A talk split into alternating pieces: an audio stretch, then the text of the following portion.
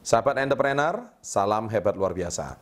Baik, pada tips bisnis kali ini saya akan membagikan sebuah tips yang singkat tentang mengapa bisnis Anda itu stagnan. Bagi Anda saat ini yang sedang sedang memulai usaha, bagi Anda yang saat ini sedang memiliki usaha yang cukup mapan atau usaha yang sudah cukup berhasil, pasti ada fase-fase atau masa-masa di mana bisnis Anda itu cenderung tidak bisa maju. Baik itu dari segi omset, atau mungkin bisnis Anda itu sedang bagus-bagusnya, tapi kok sepertinya profitnya itu termakan, entah lari ke mana, dan sebagainya. Nah, itu masih terlalu luas kalau kita mau bahas. Tetapi pada tips kali ini saya akan membahas tentang mengapa bisnis Anda itu tidak kunjung maju dalam beberapa bulan belakangan, bahkan mungkin beberapa tahun belakangan. Nah, di sini saya mempunyai dua alasan utama mengapa bisnis itu tidak bisa maju. Yang pertama adalah anda mungkin terlalu membuat batasan terhadap bisnis Anda. Jadi Anda mungkin saat ini sudah mempunyai satu pengalaman, ya entah itu pengalaman dari Anda pribadi maupun pengalaman dari kompetitor Anda atau pengalaman dari orang yang melakukan bisnis sejenis dengan Anda. Dan kalau Anda melihat riwayat mereka atau Anda melihat pengalaman Anda sendiri, Anda pasti membuat satu kesimpulan bahwa bisnis Anda itu potensinya tidak bisa lebih dibandingkan dengan bisnis yang anda inginkan. Contoh mungkin bisnis Anda saat ini omsetnya 100 juta per bulan. Anda punya satu batasan. Batasan Anda adalah, wah mana ada orang yang bisa punya omset lebih dari 100 juta satu bulan di bisnis ini. Rasanya sangat mustahil.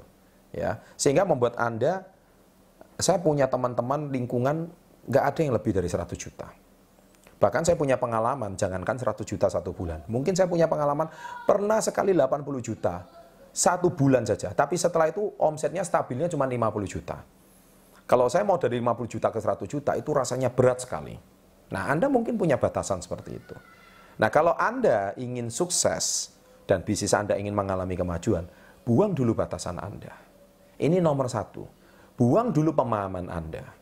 Buang dulu semua pengalaman-pengalaman yang Anda justru bukan itu lebih baik, tapi justru menghambat Anda untuk maju. Ya sering kali banyak orang itu maju, hambatannya itu bukan di bisnisnya, tetapi hambatannya itu justru di cara berpikir Anda yang selama ini membuat Anda tidak kunjung maju.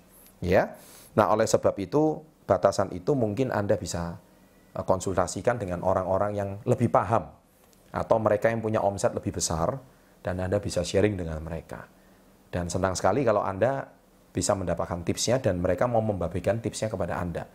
Dan semoga dari wawasan tersebut, pasti Anda memiliki strategi-strategi baru, eh, wawasan-wawasan baru untuk mendongkrak penjualan bisnis Anda. Oleh sebab itu yang sering saya sebut di video-video saya sebelumnya, yaitu namanya mentor. Ya, jadi Anda perlu menemukan mentor untuk memantau perkembangan bisnis Anda. Nah yang kedua, ini yang sangat penting sekali, yaitu Anda pecah fokus. Ya, jadi permasalahan utama bisnis Anda stagnan itu karena Anda pecah fokus. Anda tidak bisa mengerjakan 2 sampai 3 pekerjaan sekaligus dalam waktu yang bersamaan.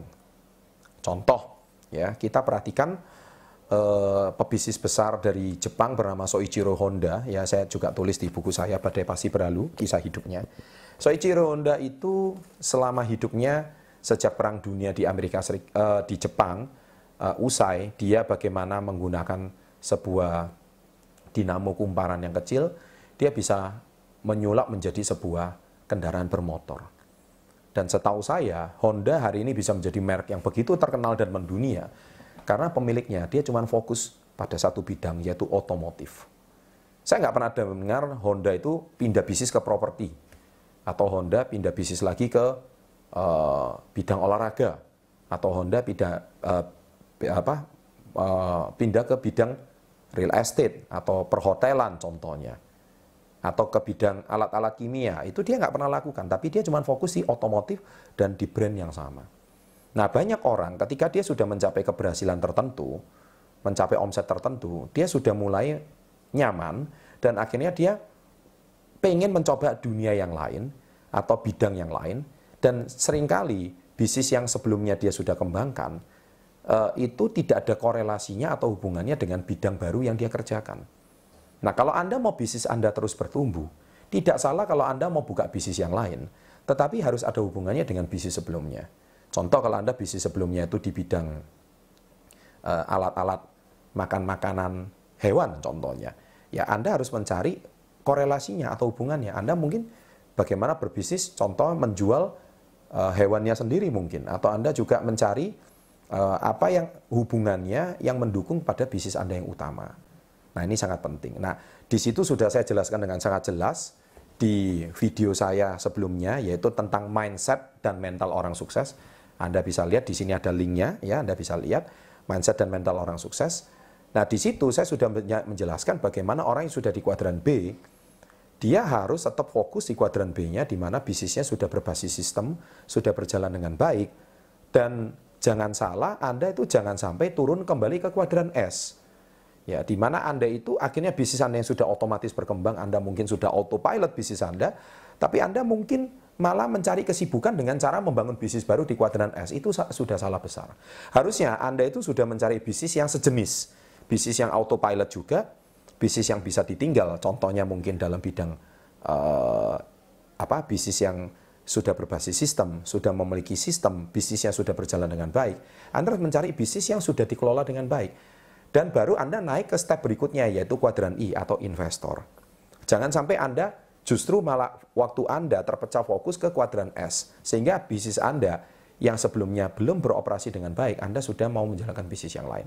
Anda contoh bisnis roti, Anda tinggalkan uh, mencari bisnis alat pancing contohnya.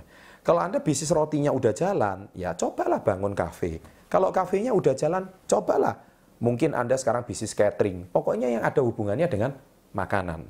Itu baru bisnis Anda bisa berjalan dengan lebih besar. Ya, itulah salah satu faktor kenapa bisnis Anda stagnan. Nah, semoga dengan tips kali ini Anda punya satu wawasan baru dan Anda juga bisa mempunyai satu gambaran baru dan semoga bisnis Anda mengalami pertumbuhan seperti yang Anda inginkan. Ya, bila Anda menyukai channel seperti ini, silakan subscribe channel ini dan bisa direkomendasikan dan memberikan komen-komen positif untuk kemajuan diri Anda. Sukses untuk Anda, salam hebat luar biasa. Remaja pemuda muda yang mereka sudah mulai memiliki karir, tapi mereka ini galau, khususnya kalau kita